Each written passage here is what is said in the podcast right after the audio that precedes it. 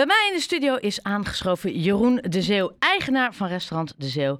En uh, het komt niet heel vaak voor, maar ik vond het een zeer originele nou ja, wisseling van de wacht. Want de Zeeuw ruilt van locatie met de eigenaren van restaurant Le Mortier. Veel hoeven ze niet aan te passen qua adres. Ze gaan van de Nassaustraat naar de Nassaulaan. Ondertussen zit niet alleen Jeroen de Zeeuw hier, maar ook Michael Kras. Want die nou, spreken we hierna, want die heeft dan weer iets toegevoegd aan zijn enorme verzameling horeca-ondernemingen. En de trotse eigenaar van Kraantje Lek. En ik dacht, als we toch zo gezellig zijn, twee mannen en één vrouw. Sophie deelt ook even mee in het gesprek. Want als het om horeca gaat, hier zit een echte kroegtijger. Um, dus ik gooi gewoon alle schuifjes open. Top, en, heel goed. Gezellig. Ja, nou dat dacht ik ook. Dan zet ik alles weer af. Um, heel kort, uh, Jeroen. Ja. Het, je, je ruilt van pand. Mm Je zit al een tijdje natuurlijk. Uh, ja, zes jaar inmiddels alweer. Iets langer zelfs. Maar hoe kom je er dan bij? A, dat je zegt, nou we gaan ruilen. En B, hoe, hoe komt zo'n ruil tot stand? Is dat dan met een makelaar of handjeklap? Nou ja, handjeklap is wat, uh, wat kort door de bocht. Maar toch eigenlijk wel weer een beetje. Uh, Philippe, eh, de huidige eigenaar van Le Mortier en, en ik en ook Janine, mijn vrouw, die kennen elkaar al eigenlijk van de tijd dat wij nog bij Duinen Kruidberg werkten. bij de Vrienden van Jacob destijds. En um, ja, Philippe woont tegenover de Zeeuw en uh, zijn zaken is om de hoek, dus wij spreken elkaar regelmatig. Um, en we waren eigenlijk al een jaar of twee bezig met een andere locatie zoeken, omdat we gewoon echt uit onze jas groeiden. Um, maar we konden niet echt iets vinden. En in Haarlem is een hele hoop, maar ook weer niet. En uh, nou, eigenlijk hebben we op vakantie afgelopen jaar gewoon een Instagram-post gemaakt van wie uh, helpt ons zoeken. En daar reageerde Philippe op. Dus zo zijn we eigenlijk heel snel met elkaar eh, aan tafel gegaan en uh, hebben afspraken gemaakt. En toen was het eigenlijk vrij snel bekeken. Ja, want, want de locatie verandert. Ja. Je zegt, nou, het voornaamste reden waarom jullie veranderen is, is dat je meer ruimte nodig ja, hebt. Zijn voor onszelf en voor de gasten. Ik bedoel, ja. uh, jij weet hoe, hoe klein wij behuisd zijn. Het is ongeveer 50 vierkante meter, inclusief zaal, keuken en afwas. maar we wilden ook gewoon wat meer mensen om ons heen. We hebben denk ik nu een mooie club, club mensen in de huidige zaak al. Alleen daar willen we nog wel wat mensen aan toevoegen. En uh, ja, we hebben ook nog wel bepaalde ambities en uh, willen gewoon het niveau voor onszelf wat uh, omhoog krikken. En uh, natuurlijk ook qua, qua werkruimte, ja, heb je daar gewoon wel iets meer, iets meer werk om voor, voor onszelf. Ja. En Michael, hij zei, en Haarlem is heel groot, er zijn, is onwijs veel horeca, maar niet alles past. Herken je die, die enorme selectie? Nou, zeker in de scene waar de zeeuw in zit. Kijk, de aantal vierkante meters die hij noemt, uh, en als je dan wil uitbreiden, de, de topplekken in Haarlem die zijn wel een beetje vergeven. En dat zijn ook de plekken die goed lopen en goed draaien. Dus die komen dan ook uh, vanzelfsprekend uh, moeilijker vrij. Dus dat is wel herkenbaar, ja. ja. ja want, want welke nieuwe mogelijkheden... Je zegt wel, je hebt meer ruimte. Ja, zeker op het ogenblik hebben jullie, jullie zijn bijvoorbeeld van woensdag tot en met zaterdag open. Ja, klopt. Is er dan nu ook meer ruimte om vaker meer open te zijn? Kan je meer mensen aannemen? Ja, in principe wel. Kijk, dat heb je natuurlijk altijd in een, in een kleine zaak. Heb je maar een maximaal aantal uh, personeelsleden wat je kan dragen qua exploitatie. En daar moet je gewoon serieus naar kijken. Uh, maar buiten dat wilden we gewoon eigenlijk heel simpel gezegd meer ruimte tussen uh, de tafel, tussen jou en je buurman, om het zo te ja. zeggen. Uh, iets meer ruimte in de keuken, waardoor we nou ja, ons servies wat makkelijker kwijt kunnen, maar ook wat meer met experimenten kunnen werken in de keuken. Um, en ook om je, we hebben nu natuurlijk zo'n klein zaakje en heel veel gasten vinden dat super schattig en leuk. En, en um, waarom gaan jullie weg? Alleen je moet je voorstellen als jij zes jaar lang 12 tot 14 uur per dag in dat kleine keukentje staat en je moet een kelderluik in en uit. Nog, en... Jij doet het samen met je, met je vrouw. Dat ja, en, sowieso. En, uh, ja, en Jesper, onze souschef, die is, die is uh, deel 3 van het verhaal. En, en dat is het dan een beetje. Ja. Dus dat is best wel intensief. Dat is ja. heel tof en heel leuk.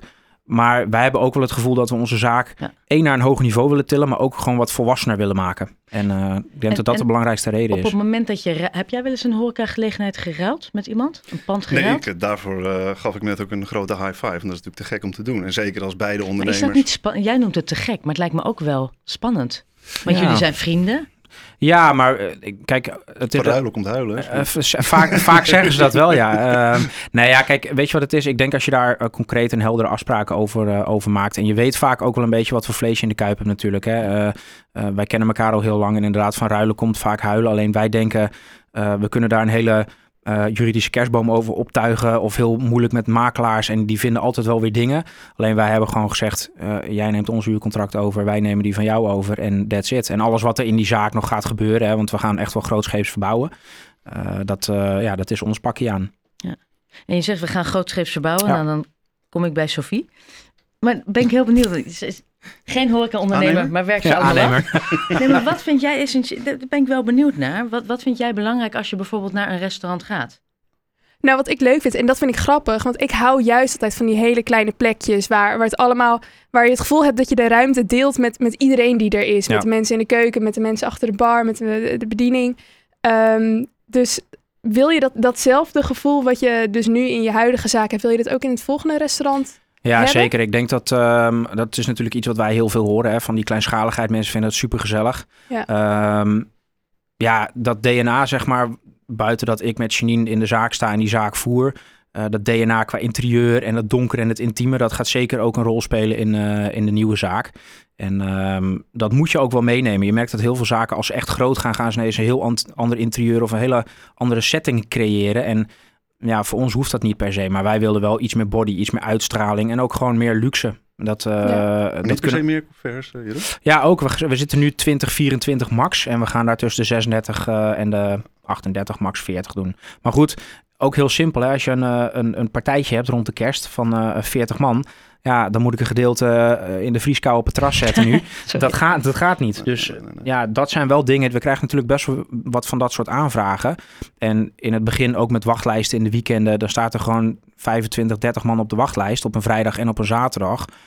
Ja, in het begin is dat een mooi compliment. En na verloop van tijd denk je als ondernemer, ja, wacht even. Er, kan, er zit dus ook meer in.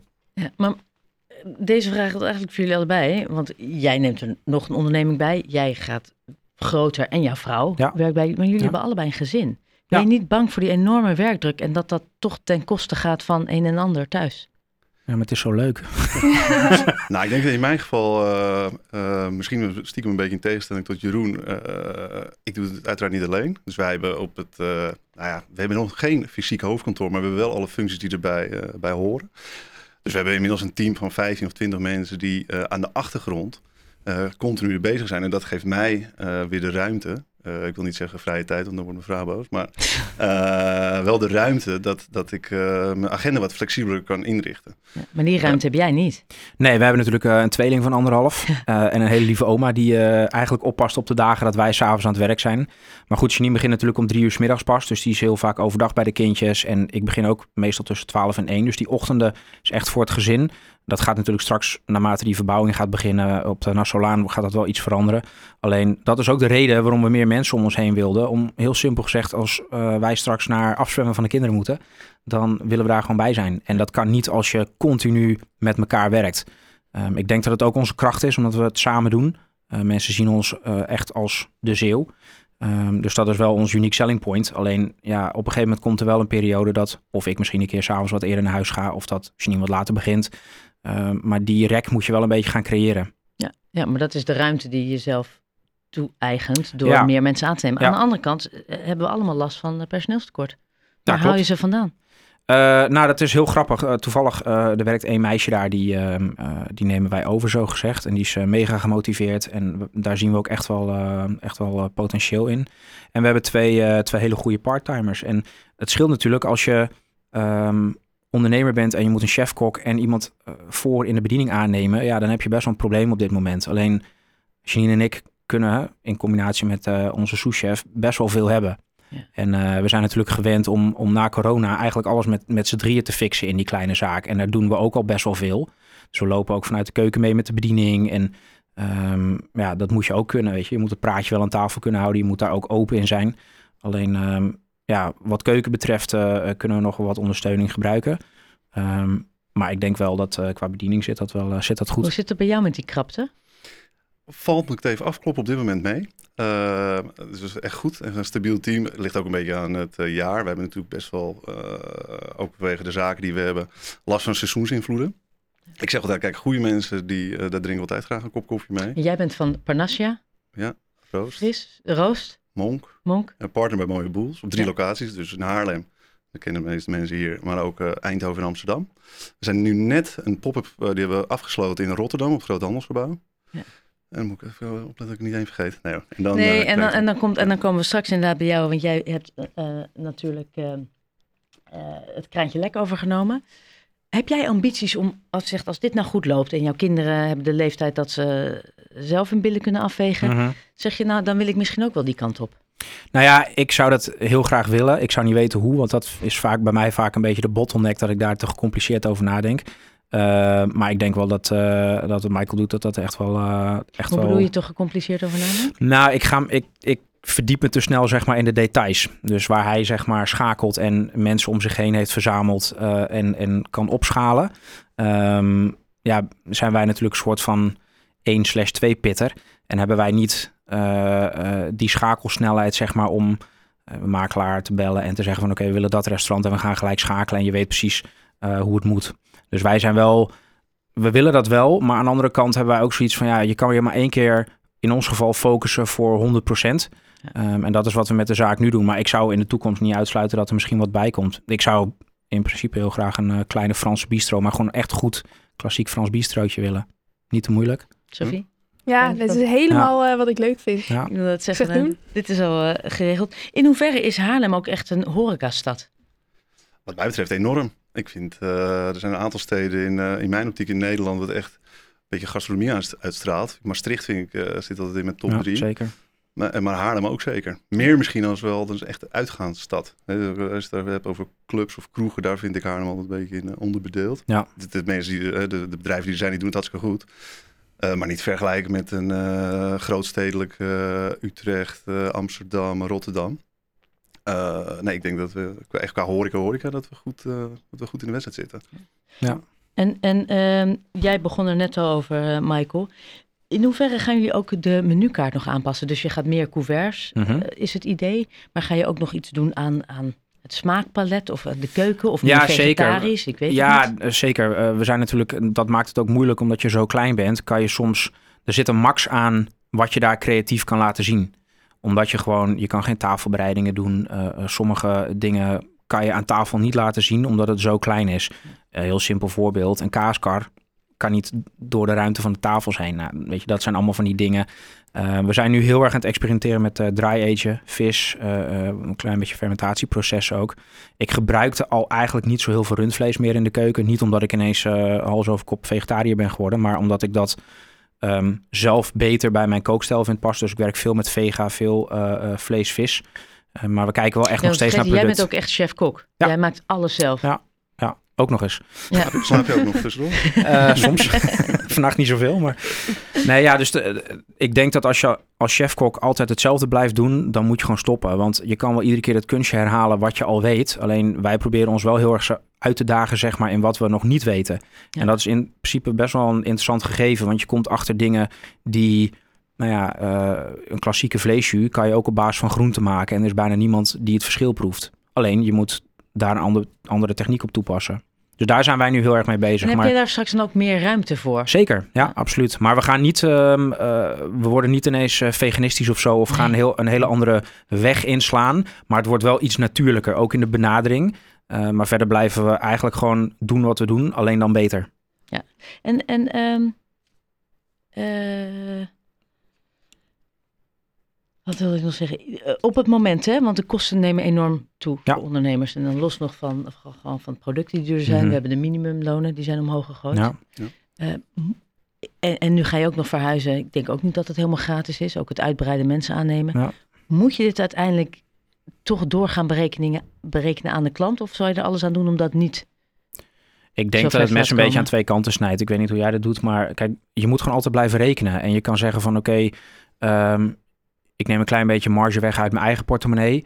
Eh, dat is een keuze van de ondernemer. Alleen wij blijven wel altijd goed kijken naar wat de markt doet. Dus wij hebben altijd twee of drie vegetarische gerechten in het menu.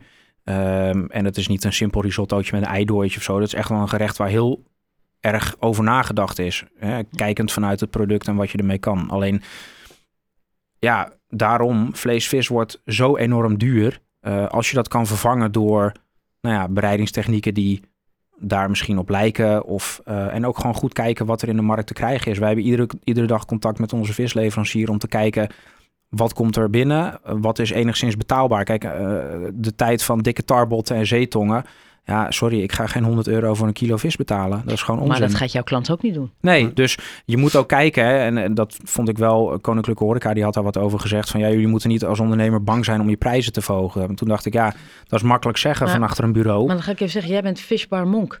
Dan Ja, kan je moeilijk ineens alleen nog Ja. maar eh aspergesoep gaan uitdelen. Nou, kijk, overal zien, eh, eh, terecht doordat Jeroen al in detail ook met de, eh, met de kiloprijs en dat soort dingen. Maar ik denk overal dat eh, het, speelveld, eh, het speelveld is gewoon veranderd. Maar dat is niet alleen in de horecabranche, dat is in de bouw, dat is in verschillende branches.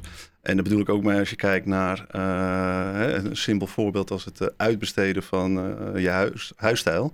eh, hè, aan een designer of dat soort dingen. Tegenwoordig kan je in-house al best wel veel eh, doen. Eh chat eh, of AI Hm. zetten wij nu Ja. heel veel op in. Ja. Eh, en allerlei andere digitaliseringen die we doorvoeren, waardoor eh, ja, het speelveld. eh, aan dus je dan bezuinig wordt- je op dat soort dingen, zodat je, jij je tarbot kan kopen van 100 euro. Ja, nou, bezuinigen vind ik niet per se het goede woord. We maken gewoon gebruik van de technieken die er tegenwoordig zijn. Kijk, eh, waar ik. eh, toen ik medewerker was, salesmanager op een stage, maakte ik nog handmatige draaiboeken en dan ging je bellen en dit en dat. En nu hebben wij prachtige systemen die eh, heel veel werk, en dan bedoel ik echt het, het schrijfwerk, dat ken jij misschien ook wel, Ja. eh, uit handen nemen. Daarmee eh, moet je natuurlijk waken dat je wel het persoonlijke contact houdt met je gast of met je, met je eh, bruidspaar bij wijze van spreken. Ik denk dat dat ook wel belangrijk is, want dat is wat je natuurlijk heel vaak hoort. Mensen zijn nog steeds bereid om voor kwaliteit te betalen, maar ze willen wel een bepaalde persoonlijkheid hebben. En als ze ergens gaan eten op niveau, dan is het heel fijn als iemand je ontvangt en je voornaam bijvoorbeeld al weet, of dat je kindjarig was, of weet wat voor wijn je graag drinkt.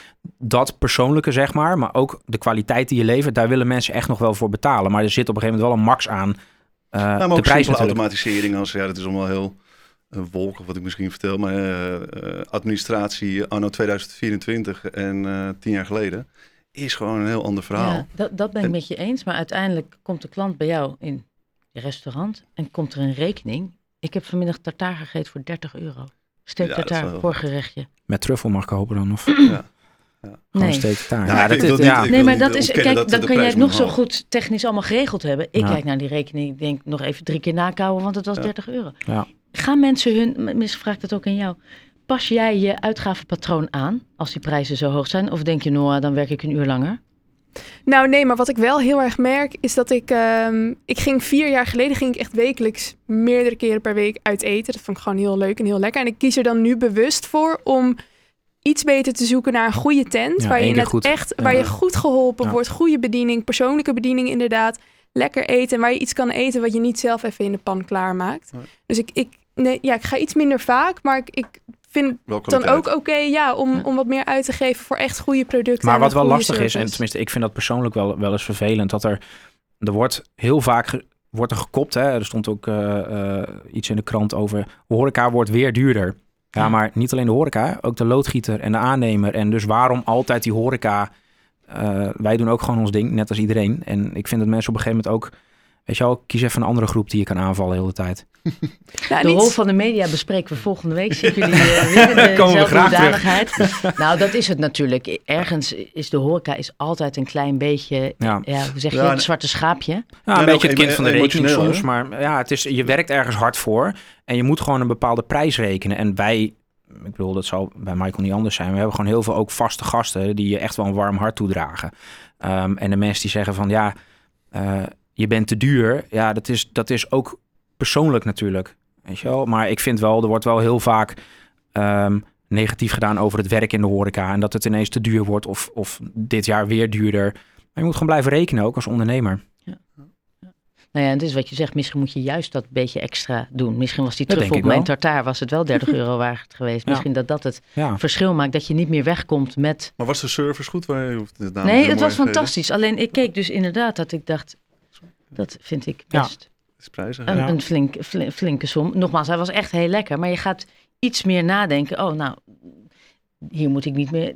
Moet niet Dit moet specialer Nee, worden. en het verschilt ook of je zeg maar naar een lunchrestaurant gaat of dat je echt voor een ervaring gaat. Hè? En of dat nou een Michelinsterrenzaak is of een Ja. zaak die heel goed bezig is en waar je echt dan de hele tijd naartoe wilt. Of wij krijgen ook wel eens, hè, ik ben nu een boek aan het lezen van, eh, eh, over hoe je hoe andere mensen gastvrijheid beleven eh, door de, de eigenaar van Eleven Madison Park in, eh, in New York. Ja. Eh, gekregen ook van een gast die zei, dit moet je een keer lezen. Ja, dat is fantastisch. En dat gaat erom dat, dat dat, dat stelletje, een verliefde stelletje wat een, een jaar gespaard heeft, bij wijze van spreken, om bij jou te komen eten, dat je die helemaal in de watten legt en dat ze eigenlijk na afloop geen rekening krijgen dus van ons, weet je, omdat je weet, ze hebben iets gepost op internet van we gaan daar en daar eten, we hebben zoveel zin in. investeren in de toekomst. Dat, maar dat moet wel oprecht zijn. Heel vaak krijg je ook een soort van showtje, weet je, en dat, dat, vind ik, dat vind ik niet nodig, vind ik ook niet prettig als ik ergens uit eten ga. Het moet wel oprecht zijn, dus je moet wel, je kan dit ook, dat weet jij ook, dit vak is een beetje raar, een beetje asociaal, maar het is wel super tof en heel erg leuk. Je werkt met jonge mensen, je krijgt veel impulsen. Maar je moet ook een beetje gek voor zijn, want je werkt altijd s'avonds. Uh, je maakt opmerkingen die eigenlijk, nou ja, in kantoor zeg maar gelijk als MeToo bestempeld worden. En uh, dan hebben we dat. Ja. Dus ja, weet je, maar het is een heel dynamisch uh, beroep. En ik denk dat het plezieren van mensen en een leuke avond geven... of in ieder geval een beleving mee te geven... dat dat hetgene is waar je het voor moet doen. Hey, vorig jaar werd jij ineens genoemd uh, tussen de, nou ja, officieus als dat jij een Michelinster zou Tussen krijgen. de echte restaurants zaten we ineens. Nee, offi- nee, gewoon nog voordat u überhaupt ja.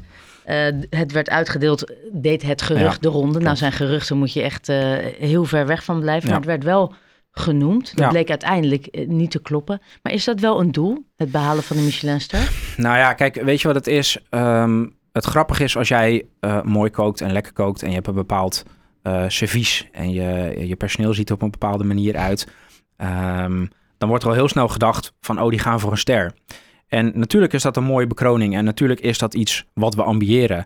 Alleen we spreken dat nooit echt naar buiten toe uit, omdat we dat ook niet nodig vinden. Maar uiteindelijk... Um, nu live daten. Nu, nu live op de nee, maar goed, kijk, je moet het... Ik denk niet dat je het gaat volhouden als je alleen maar focust op die Michelinster. Wij willen gewoon een hele vette zaak. En we willen veel vaste gasten. En we willen goede omzetten draaien. En we willen een leuk team. En alles wat eruit voortkomt, of dat nou uh, gidsjes of puntjes of wat dan ook zijn. Als ik alleen zou koken voor die gids, dan hou ik het niet vol.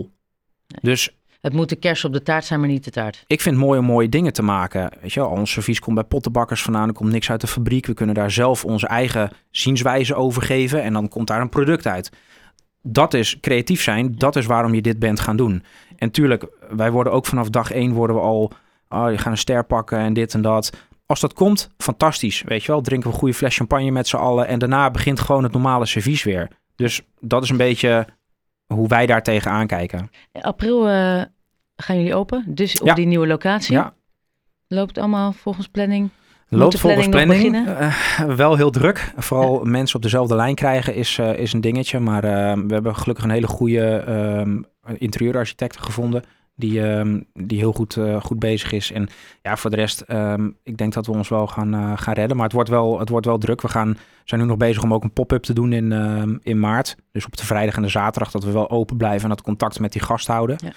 Uh, dus daar zijn we nu nog, nog druk mee bezig. Leuk. Jeroen de Zeeuw, heel veel succes. Dankjewel. Periode. Dankjewel voor je komst.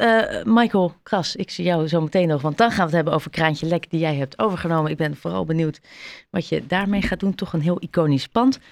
Nou ja, Sofie, jij moet tot zeven uur. Ik blijf wel zitten. Ik ga nergens heen. Dankjewel.